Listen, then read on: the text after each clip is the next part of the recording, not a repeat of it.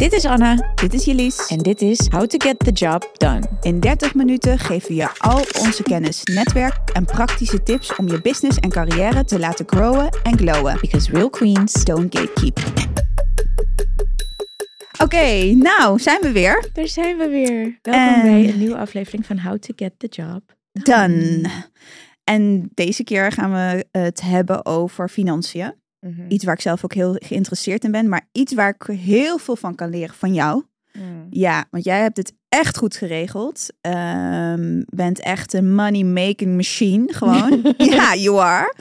En ehm, ik denk dat heel veel mensen dit gewoon echt van jou willen weten hoe je dat doet en hoe je dit hebt gedaan in het verleden. En ik bedoel, ik zit soms te kijken, deze vrouw, die heeft het gewoon zo goed geregeld allemaal. En die, weet je, jij hebt gewoon zoveel cashflows, verschillende passief inkomen, weet je, dat heb je natuurlijk allemaal opgebouwd. Dus ik denk dat heel veel mensen, heel veel vrouwen willen weten van, oké, waar did it begin, weet je wel? Mhm. En, en ook heel, eh, want je bent altijd heel humble daarin, hè? Dus dan... eh, Nou, ook omdat ik oprecht vind dat ik nog maar net ben begonnen. Hè? Dus ik ben, ik ben begonnen, nou ja, in Ja. 2011 en nu zijn we een aantal jaar verder en ik leer ook steeds meer elk jaar. Dus, ja. dus ik denk, iedere keer kijk ik terug en denk ik van, oh ja, oh dit is weer een nieuwe stroom en zo kan Ja. het ook. Dus dat is niet een soort bescheiden humbleness. Dat is, er zijn er mensen die het veel, veel beter doen. Ja. Maar ik denk dat, dat ik ben heel trots op, op waar ik sta. Ja, Ja. dat klopt. Ja. Ja, dus ehm, nou ja, wat we natuurlijk willen weten, wat was de financiële journey? Dus waar begon je, weet je wel, je ben, ja, ik, weet, ik weet bijvoorbeeld eigenlijk helemaal niet of jij direct gewoon freelancer was en met ensemble begon eigenlijk, of dat je nog ergens in dienst was. Hoe was Oh ja. dat? Waar, hoe, eh, Nou. hoe- waar begon jij eigenlijk? Weet ik niet. Ik was wel toen nog in dienst, want Ensemble Oh, kijk, begon. ja. Daar hebben we natuurlijk in de intro over gehad, hoe Ensemble begon. Samen met, met Slaven toen nog, die Mhm, ik nog kende mhm. van die AZC's. Maar de eerste eh, vier maanden van Ensemble, ik geloof dat het vier maanden waren, ehm, was er natuurlijk geen... eh, ik stapte in als ondernemer voor het allereerst. Maar er was natuurlijk geen eh, salaris wat ik Mhm. kon krijgen, want we waren allemaal net begonnen. Dus toen werkte ik nog bij... Ik was in dienst bij I Love Fashion News. Oh Dat ja, weet ik nog. I love fashion. I news. love fashion news. Ja. En ik was daar een Ja. soort van, ik weet niet eens meer wat mijn functie was, maar ik werkte daar. En ik weet nog dat ik overdag dus daar werkte. Mhm. In een souterrain aan de gracht. Ik was zo ongelukkig daar. Ik vond het echt helemaal niet leuk. En dan in de nachten, dus vanaf een uur of acht, dus dan kwam ik thuis rond zes, ging ik even eten. En dan van acht tot twee ongeveer ging ik werken aan ensemble. Ging ik die Mhm. stukjes stikken.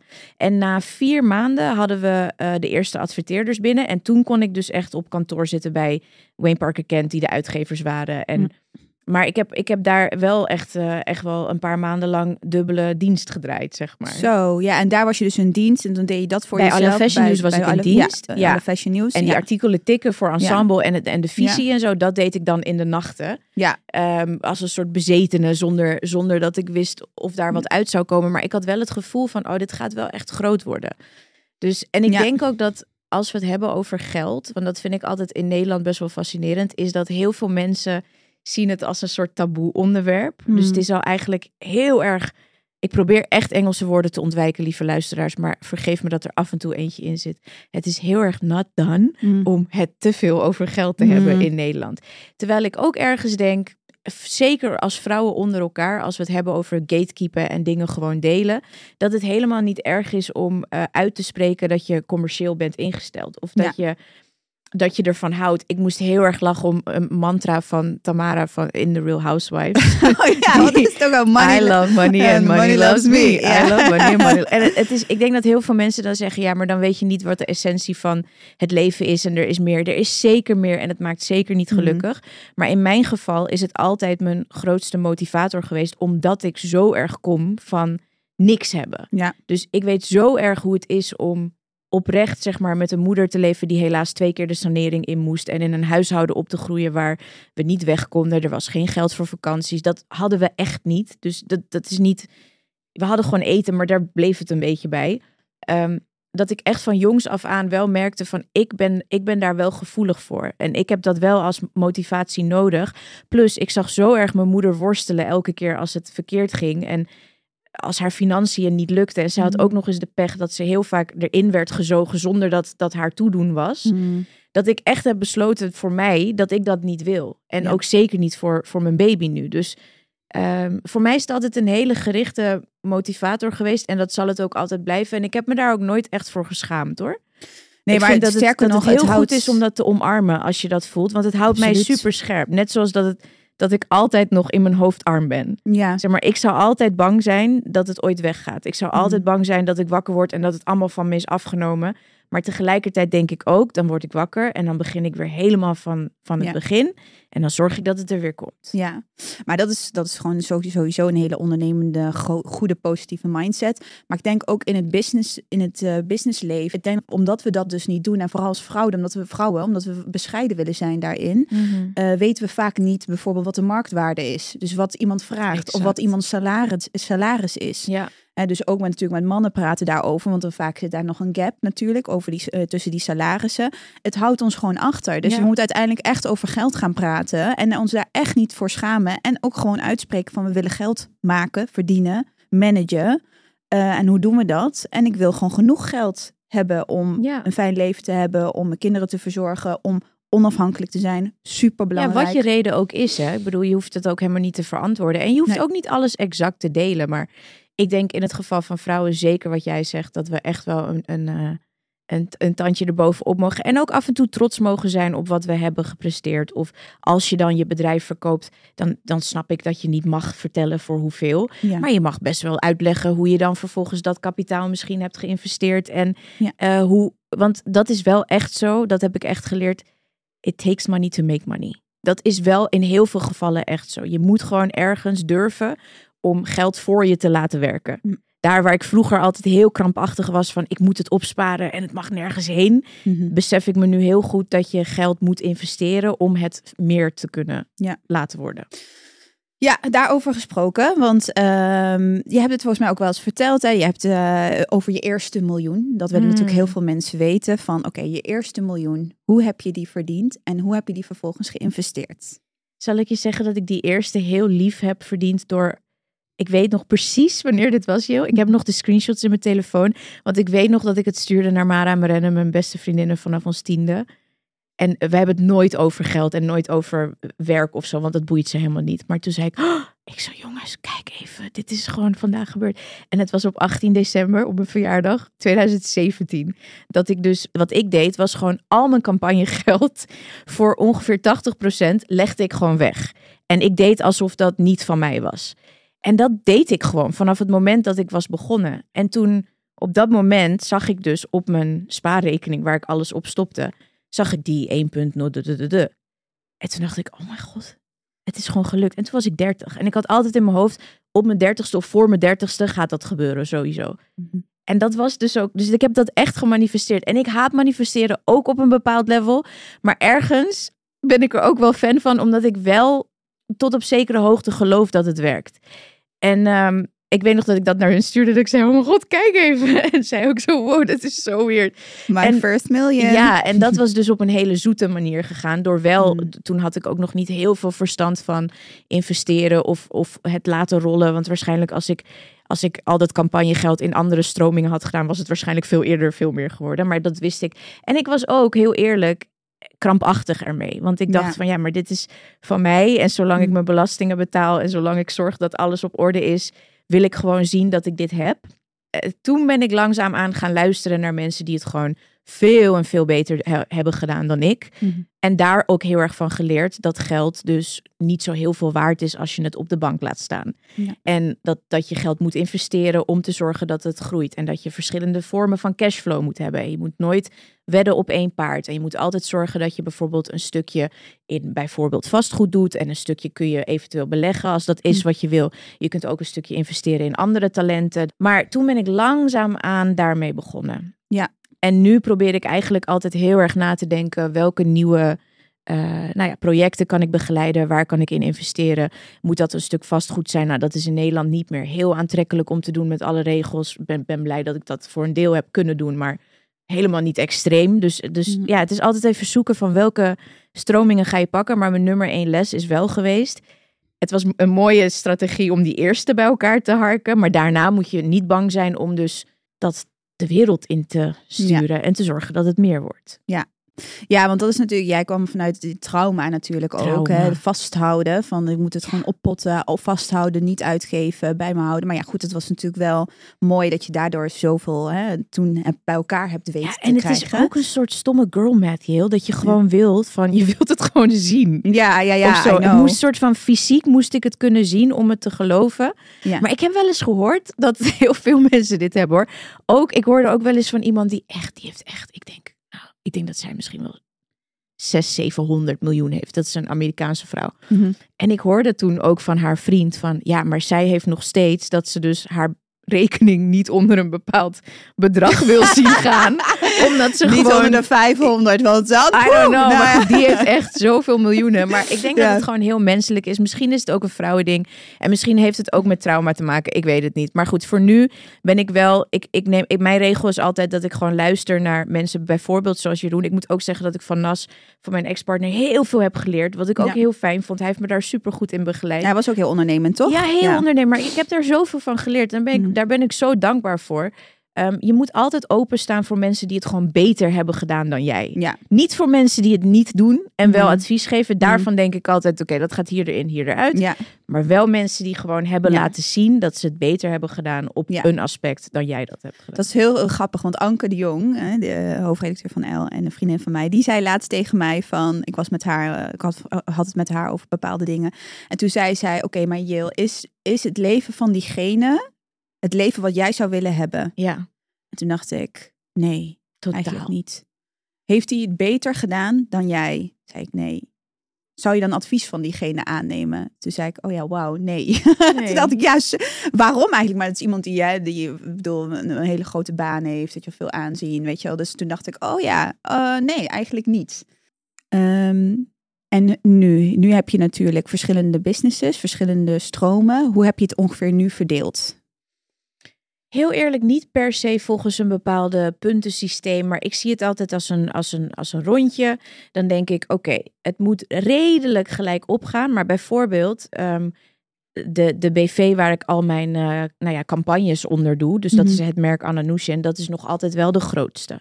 Dus dat is, dat is echt een hele grote chunk. Dan heb je een stukje in participaties, zoals bijvoorbeeld Upside Down, de duinroos, de bloemen die we doen, ehm, een stukje consultancy wat erbij komt kijken. Je hebt een klein stukje vastgoed en zo verdeel hem. Maar ik heb niet per se dat ik denk, oh, ik ga nu, eh, nou ja, eh, dit moet onder de 20% blijven, dit moet onder de 10% blijven. Hm. Zo bekijk ik het niet. Ik kijk ook heel erg naar wat ik het leukste vind om te doen. En dat is toch creatief zijn en enigszins dat, dat strate- strategische mixen met creativiteit. En ik kijk ook even naar hoe kan ik eh, passief inkomen genereren. En dat zat hem voorheen natuurlijk voor heel veel ondernemers in Nederland zat dat hem in vastgoed. Ik denk dat dat nu gewoon echt een stuk lastiger is.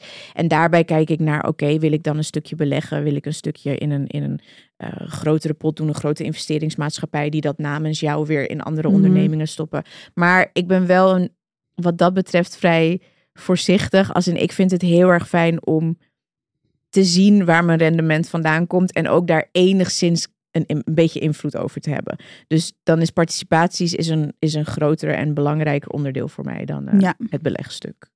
Eh, maar jij bent natuurlijk op een gegeven moment heb je wel echt gekozen voor ik ga in businesses investeren, Ja. in andere Ja, businesses. In talent, ja. Ja. in talent en natuurlijk ook als participatie eh, in bepaalde ondernemingen. Eh, kan je daar wat over vertellen van waarin je participeert en waarin, waarin je bijvoorbeeld dan kiest om te investeren? Ja, ik kan die ook voor nu kort houden, omdat we natuurlijk niet te veel willen uitweiden over specifieke Mhm. dingen. Dat kunnen we in die grote special doen. Maar voor mij is het zo dat ik ehm, eigenlijk ben ik continu op zoek en vaak ook met Jeroen samen. Wat, wat, wat ik heel mooi vind. Jeroen gaan we zo meteen bellen, jongens. eh, naar nieuw talent. En met nieuw talent bedoel ik iemand die ofwel een briljant idee heeft om de markt te disrupten, zoals dat heet. Nou, dat komt heel weinig voor. Dat, dat, Mhm. dat kom je af en toe tegen. Maar ook vrouwen, voornamelijk vrouwen, ook een paar mannen, waarvan ik weet, oké, ze hebben al een goed lopend bedrijf, ze willen ergens naartoe, maar ze weten niet helemaal hoe ze vanaf dit punt verder moeten. Dus ze hebben een gezonde omzet, ze hebben een redelijk goede winst, maar ze willen nog veel meer en ze kunnen nog veel meer. Ze hebben alleen niet de juiste tools. En dan, ehm, als mij dan wordt gevraagd van, hey, kun je me helpen of kun je meekijken, dan heb ik liever dat ik participeer op een manier. Dat Mhm. kan ofwel met sweat equity, wat betekent dat je dus niet geld investeert, maar wel je naam daaraan verbindt, je tijd eraan verbindt, ehm, een bepaalde strategie uitschrijft. Of het kan door middel van een angel investment. En dat kan al eigenlijk vanaf vrij lage bedragen. Mensen denken dan meteen aan miljoenen. Maar je kunt al echt wel voor 50k bijvoorbeeld tegen iemand zeggen: hey, als je dit nodig hebt de komende maanden, dan help ik je daarbij. Ja. Uh, en dan participeer je dus met cash en een stuk aandeel. En dan ga je samen ook nog kijken hoe gaan we dit groter maken. Ja. Dus daar. Um, zijn we eigenlijk altijd naar op zoek. En, en daar heb ik eigenlijk heel veel gesprekken voor lopen. En dat is zo verschillend. De ene is dan zit in, in de haarindustrie, de ander zit in de mode, de ander zit in de tech. Het is echt heel erg verschillend van wat er op mij afkomt. En ik denk dat we met FI natuurlijk ook uiteindelijk er naartoe willen dat we, nou ja, bijna als een soort van dragons, eigen dragons den. Ja. Uh, jullie vooruit willen helpen en, en gewoon verschillende pitch decks willen ontvangen. En, en ik hoop dus dat, dat iedereen die vandaag luistert dit onderwerp dusdanig interessant vindt, zodat we dus een langere special kunnen maken. Ja. Maar ik denk dat we voor nu over moeten gaan naar de speed dial. Van speed dial. yes! Onze eerste speed dial. Ja. En wat we hierbij doen... Wie wat waar? Wie zit Wie op jouw, waar? ja, wie zit op Nou jouw ja. Wat wij natuurlijk willen is dat we ons netwerk ook delen met iedereen die Mhm. luistert. Mhm. En eh, we willen eigenlijk bij bepaalde onderwerpen echt een expert aanhaken die er nog veel meer van af weet en die bij ons ook echt op speed dial staat. En ik heb voor vandaag Jeroen Holthaus en dat is toch wel mijn financial guru, degene waar ik heel veel van heb geleerd. Hij eh, is al vanaf 2011 aan mijn zijde. Wauw. dus echt vanaf, het 13 aller, jaar. ja, echt vanaf het allerbegin. Oh, dat wist ik niet eens. Dus ja, dus ik ga hem gewoon even bellen. En dan gaan we alle investeringsvragen, in ieder geval die we in de korte tijd die we hebben kunnen doen, gaan we Mhm. aan hem stellen. Mhm. Maar ik ga even dat. dat Ik ga mijn moment ook gewoon pakken om, eh, om al mijn financial doen. vragen te stellen. Jeroen is de allerbeste.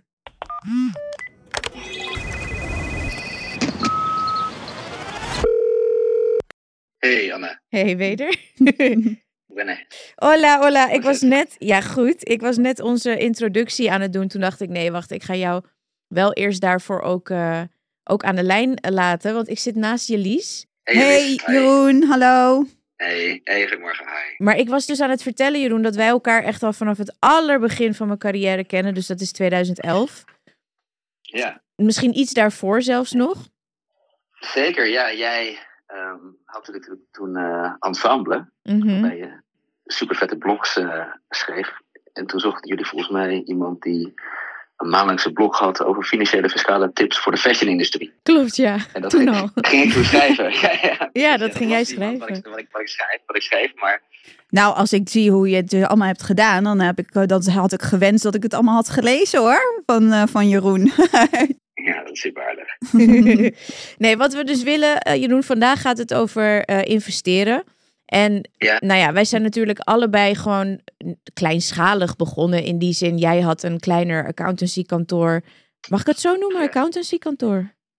Ja, administratie en advieskantoor. Ja, en, en zo begon jij. Nou, je had, daarvoor had je natuurlijk ook wel wat dingen gedaan in de entertainment-industrie. Met bijvoorbeeld Kim en Jeroen, Mhm. waarbij jullie hostessen wegzetten bij evenementen. En ik begon heel Mhm. erg klein met inderdaad een, een blog en een website. En ik denk dat we gaandeweg ehm, allebei heel erg bewust hebben gekozen om ook. Hoe, ik weet niet wat het Nederlandse woord is, maar te diversifyen.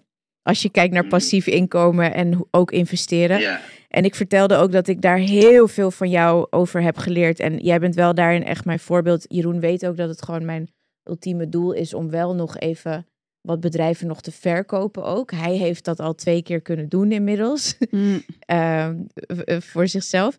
Maar mijn vraag eigenlijk aan jou, Jeroen, als ik het heel kort moet samenvatten. Als jij investeert, want dat doe jij inmiddels. Hè? Jij bent ook iemand die Mhm. veel investeert in jong talent. En of je nou participeert of dat eh, vanuit een afstandje doet. Waar let je dan op? Op basis van welke criteria be- besluit jij om ergens wel of niet te investeren?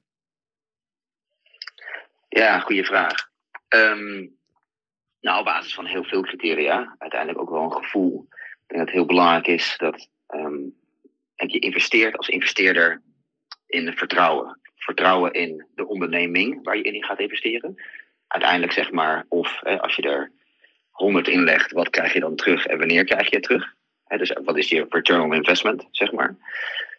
Maar daarnaast ook de ondernemer die de onderneming runt wat zijn zijn drijfveren of haar drijfveren, de inzet, de dedication. Ehm, daarnaast ook kan je als investeerder, denk ik ook wel, dat je affiniteit moet hebben met de onderneming. Kan je ook een verschil maken. Ik geloof niet zozeer in alleen maar cash erin stoppen.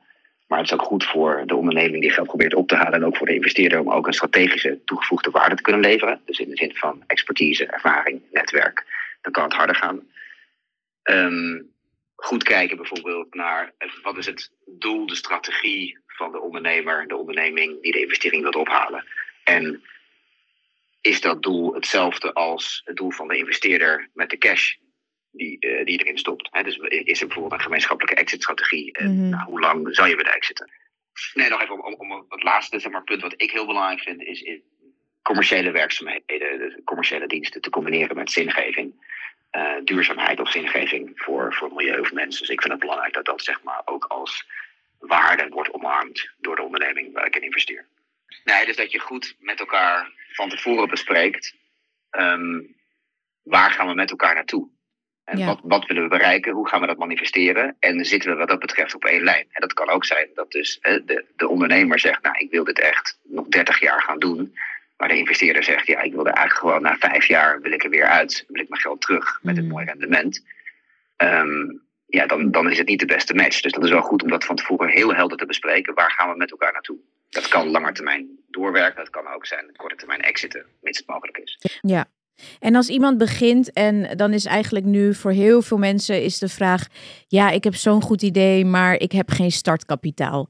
Waar kan iemand dan beginnen? En is, jouw is jouw visie dat je überhaupt heel veel startkapitaal nodig hebt? Of denk je dat je het ook slim kan doen zonder?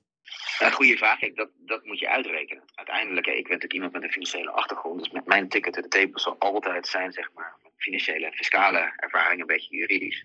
Dus als eerste, als je denkt van, kijk, ik heb startkapitaal nodig. Wat heb je concreet nodig? Dus ga echt prognosticeren voor de komende jaren. Laten we zeggen, de komende drie jaar, in ieder geval misschien vijf jaar. Van, hé, hey, wat verwacht ik als omzet?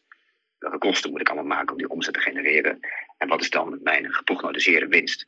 Op basis daarvan kan je weer kijken, oké, nou, misschien moet ik eerst investeren, moet ik eerst kosten maken, moet ik eerst mensen aannemen, of ik wil een software tool wil ik ontwikkelen, helemaal developers moet ik aannemen. Dus eerst ga je vaak, hè, de kosten gaan de baat vooruit, je hebt eerst cash nodig. Dat ga je ook uitrekenen op basis van een cashflow-prognose, hoeveel cash je echt nodig hebt. En met die stukken beoordeel je, oké, wat voor startkapitaal heb ik nodig, hoeveel is dat? elke investeerder of elke verstrekker van financiering, of het nou een bank is of een angel investeerder, of als je een crowdfunding project opzet, je moet precies uitgerekend hebben en kunnen bepalen hoeveel cash je nodig hebt. En op basis daarvan ga je ja, de markt op en probeer je die cash uh, te genereren. Mhm. Maar je ontbouwt het op basis van een berekening. Ja, als iemand nu wil beginnen morgen, oké, okay, ik ga een business deck maken en ik ga zo'n uh, zo'n uh, overzicht maken. Wat, zijn ja. dan daar, daar, wat is dan daarin belangrijk? Wat moeten we er in ieder geval in staan? Nou kijk, ik zou eerst zeg maar als ondernemer voor jezelf heel goed uitrekenen. Dat je voor jezelf helder hebt, oké, okay, hoeveel cash heb ik nodig? Wat is mijn verwachte omzet? Wat, is, wat zijn mijn verwachte kosten? Ja. Als je dat ook heel nauwkeurig onder elkaar gaat zetten, dat dwingt je ook om over alle facetten van de onderneming na te denken. Van alle facetten van de onderneming worden weer uitgedrukt in geld en komen dus terug in die prognoses. Ja. Uiteindelijk zijn die financiële stukken, samen met je fiscale stukje en je juridische stukken, maar ook natuurlijk je marketing en je advertising, en je verkoopkanalen, je arbeidsorganisatie en, en, en je juridische organisatie, alles komt daarna weer terug in je businessplan. Zeg maar, hoe, wat, wat, wat onderscheidt jou van de rest? Wat is jouw product of je, of je dienst en hoe ga je de markt op? Dat kan een uitgebreid businessplan zijn voor jezelf. Als je probeert daar een investeerder mee aan te trekken, noem je het eerder een pitch deck. Als je toewerkt naar een exit om je bedrijf te verkopen, is het meer geënt dus op, op een exit, op een verkoop. Dan noem je het informatiememorandum. Maar eigenlijk is het allemaal een onderdeel van dat businessplan. Dat kan een uitgebreid stuk zijn. Ja. Kijk, als je dan vervolgens dus helder hebt hoeveel cash heb ik nodig en wat voor cash zou ik graag op willen halen. En bijvoorbeeld is een groot verschil tussen een banklening. Een bank ja, verstrekt gewoon wat je noemt vreemd vermogen vaak. Ja, die hebben een forse rente, een forse aflossing. En het is een vrij zakelijke relatie. Ze kunnen, ik wil niet zeggen dat banken geen strategische waarde hebben, maar dat is wel heel wat anders dan een angel investeerder. Een, een, iemand, een vriend of een familielid misschien zelfs wel, die ook de, de business waar je in zit goed kent, strategische waarde kan leveren, een netwerk heeft, kan adviseren, ervaring heeft in die business. En echt zeg maar als wat je noemt met, met equity, met eigen vermogen investeert in jouw onderneming, betekent Mhm. ook dat je het in principe niet hoeft terug te betalen, geen rente betaalt, maar een stukje deelt van de winst als er winst is. Maar op basis van dat businessplan en op basis van die financiële stukken beoordeel je heel erg, oké, hoeveel heb ik nodig en wat voor investeerder past er in deze fase van de onderneming bij me. Ja. En En als, dan als, vervolgens ga je ja. dus de markt op. ja, en, Dus en de markt opgaan, dat, dat is wel natuurlijk voor veel mensen, Jeroen, best wel abstra- abstract als je zegt de markt opgaan. En hoe kom je erachter bij wie je moet zijn om de markt op te gaan? Ja, dus markt opgaan, dan, ja. noemen we, dan bedoelen we dus investeerder Ja. vinden. Klopt, dus ja, klopt. Dat zal, zal ik even uitleggen. Ik begrijp dat het abstract is. Met de markt opgaan bedoel ik dus, nou dan heb je dus helder hoeveel cash je nodig hebt. Je hebt ook dat businessplan, heb je klaar. Nou, je verkort dat misschien naar een pitch deck. Vervolgens ga je dat pitch deck helemaal inkorten tot eigenlijk een one-pager of een two-pager, zeg maar, een geanonimiseerde teaser. En want je gaat ook niet zeg maar ja, na- naar, naar 100 e-mailadressen of op Instagram zetten. Hey, dit is mijn businessplan. En dan kan iedereen ermee weglopen. Snap je? Dus, dus je doet dat vaak in de vorm van een geanonimiseerde teaser. Zodat je eigenlijk, ja, de partijen die kunnen investeren eh, zijn druk, hebben weinig tijd. Maar die probeer je een beetje zeg maar te triggeren, te enthousiasmeren om te lezen. En vervolgens ja, op basis van wat je noemt een NDA, een geheimhoudingsovereenkomst, het businessplan te krijgen en met jou in gesprek te gaan. En eigenlijk, wat ik deed toen ik mijn eh, financiële administratie en fiscaal advieskantoor eh, verkocht, gingen we precies op deze manier de markt op. Dus eerst een informatiememorandum, dan een teaser. En dan maakten we eigenlijk een shortlist met, ja, ik heb een businesspartner en eh, nog een adviseur die we ingeschakeld hadden. Op basis van een shortlist, oké, welke partijen, heel simpel, kennen wij die eventueel in aanmerking zouden kunnen komen of die eventueel interesse zouden hebben om het te kopen. Dan ga je gewoon met elkaar over brainstormen. Wie, wie kennen we? Wie zou geïnteresseerd zijn? Wie kennen we? Wie misschien weer iemand anders kent? hey, ik ken Alna, die kan misschien met mij in contact brengen met die. Dat is gewoon je heel je, heel je netwerk opzetten. Ja. En op basis Ja. daarvan maak je gewoon een shortlist. En dan kom je echt wel vrij snel op 30, 40 partijen. Misschien zeker als je via, Mm. via dat is ook allemaal werken en investeren. En dan vervolgens ga je die benaderen. En dat klinkt niet wanhopig als je ze benadert van hé, hey, ik wil verkopen. Nee, kijk, dan is het wel meestal de regel dat je ze niet zelf gaat benaderen. Oh ja. Dat je daar dus een, een corporate finance I need money. Ja, precies. En die gaan dan gewoon zeggen: hé, hey, ik heb iets geheims. eh eh, Holthouse gaat Ja. misschien de markt op. Kijk, dat, is, dat, is, dat hangt, hangt helemaal van de relatie af. Ja. Wij kennen elkaar elf jaar, dus ik zou jou kunnen bellen. Maar ja, als, als we elkaar niet goed kennen, is het misschien logischer, professioneler, zeg maar, als ik een corporate finance adviseur zou inschakelen. En die, die gewoon, eh, waarbij het zijn of haar werk is om partijen te benaderen, die jou heel professioneel benadert. En vraagt of jij het interessant vindt om de geanonimiseerde teaser te ontvangen. Mhm. Het is zo'n leuk, dat doe het is zo'n leuk spel. Is superleuk spel. Ja, dat doe ik vaak voor klanten. Ja, corporate finance adviseur. En dan is het gewoon makkelijker. Kijk, als ik heb aan beide kanten van de tafel gezeten, dus mijn onderneming ook verkocht. eh, twee keer. En, en nu treed ik op namens klanten. Ja, en als, je het, als het je eigen onderneming is en je eigen geld, of je hebt het zelf nodig, dan zit je er gewoon heel anders en veel emotioneler in. En daarom is het wel prettig, zeg maar, om het uit te besteden. En dat het iets meer geobjectiveerd wordt en geanonimiseerd wordt. En dat doe je vaak met een, ja, een, een adviseur. En dat is eigenlijk ook wel de regel. Je gaat, zeg maar, als je een lijst hebt zeg maar, van, van 30 potentiële investeerders of 30 potentiële overnamekandidaten, ga je natuurlijk niet als eerste je allerbeste leads bellen. Je Mhm. gaat eerst wat, wat, wat anderen bellen. eh, waarvan je denkt, van, jij zullen misschien wel interesse hebben, maar misschien hebben daar niet de, de grootste kans bij. Maar daar leer je ook weer van. Van die gesprekken, die learnings die je krijgt uit die gesprekken. Misschien stellen ze wel kritische vragen. Misschien hangen ze gelijk de telefoon op. Dat moet je ook tegen kunnen. Ehm, en misschien stellen ze kritische vragen waar je wat van kan leren. Waardoor je weer eh, beter kan voorbereiden op de gesprekken waar het er echt toe doet. ja, ik kan je nog 101 vragen stellen, Jeroen. Maar ik Ja. ga je voor nu ga ik je met rust laten. Maar ehm dank je wel dat je dit even wilde delen. Ja, tuurlijk. En dan hopen we dat je ook een keer gewoon bedankt. langskomt voor een hele lange special. Jeroen Ja. is ook erg mooi om naar te kijken, wil ik toch voor de vrouwen gezegd hebben. Want het is natuurlijk female initiative. Dus eigenlijk willen we voornamelijk vrouwen aan het woord laten. Maar jij mag er als uitzondering bij. Nou, vind, ik- vind, vind En Jeroen, super, vind je het goed als ik jou ook op speedtaal ga toevoegen? Oké, Zeker, tuurlijk. Anytime, hartelijk welkom. Ja, tuurlijk, tuurlijk. Mag zeker. Zeker. fijn. Oké, my friend. Ik spreek je later, ja? Dankjewel. Bedankt voor bellen. Oké, Alright, succes, hè. Ciao, bye, bye. Ja, we moeten hem denk ik afsluiten. Concreet voor deze aflevering, want dit is echt waar ik het meeste van aanga. Dit vind ik het allerleukste. Dus ik zou eigenlijk dit Hmm. heel lang nog willen doen. Maar, Maar ik er denk, komt een, eh, we gaan zeker vast nog een financial special maken. Dus dat komt ja, dat lijkt me heel leuk. Dit was het voor deze week, jongens. Dank jullie wel. Dank allemaal voor het luisteren. En vergeet ook niet onze show notes waar je alle linkjes vindt naar onder andere onze social media pagina's waar elke dag hele inspirerende content op te vinden is. Tot volgende week. See you next week.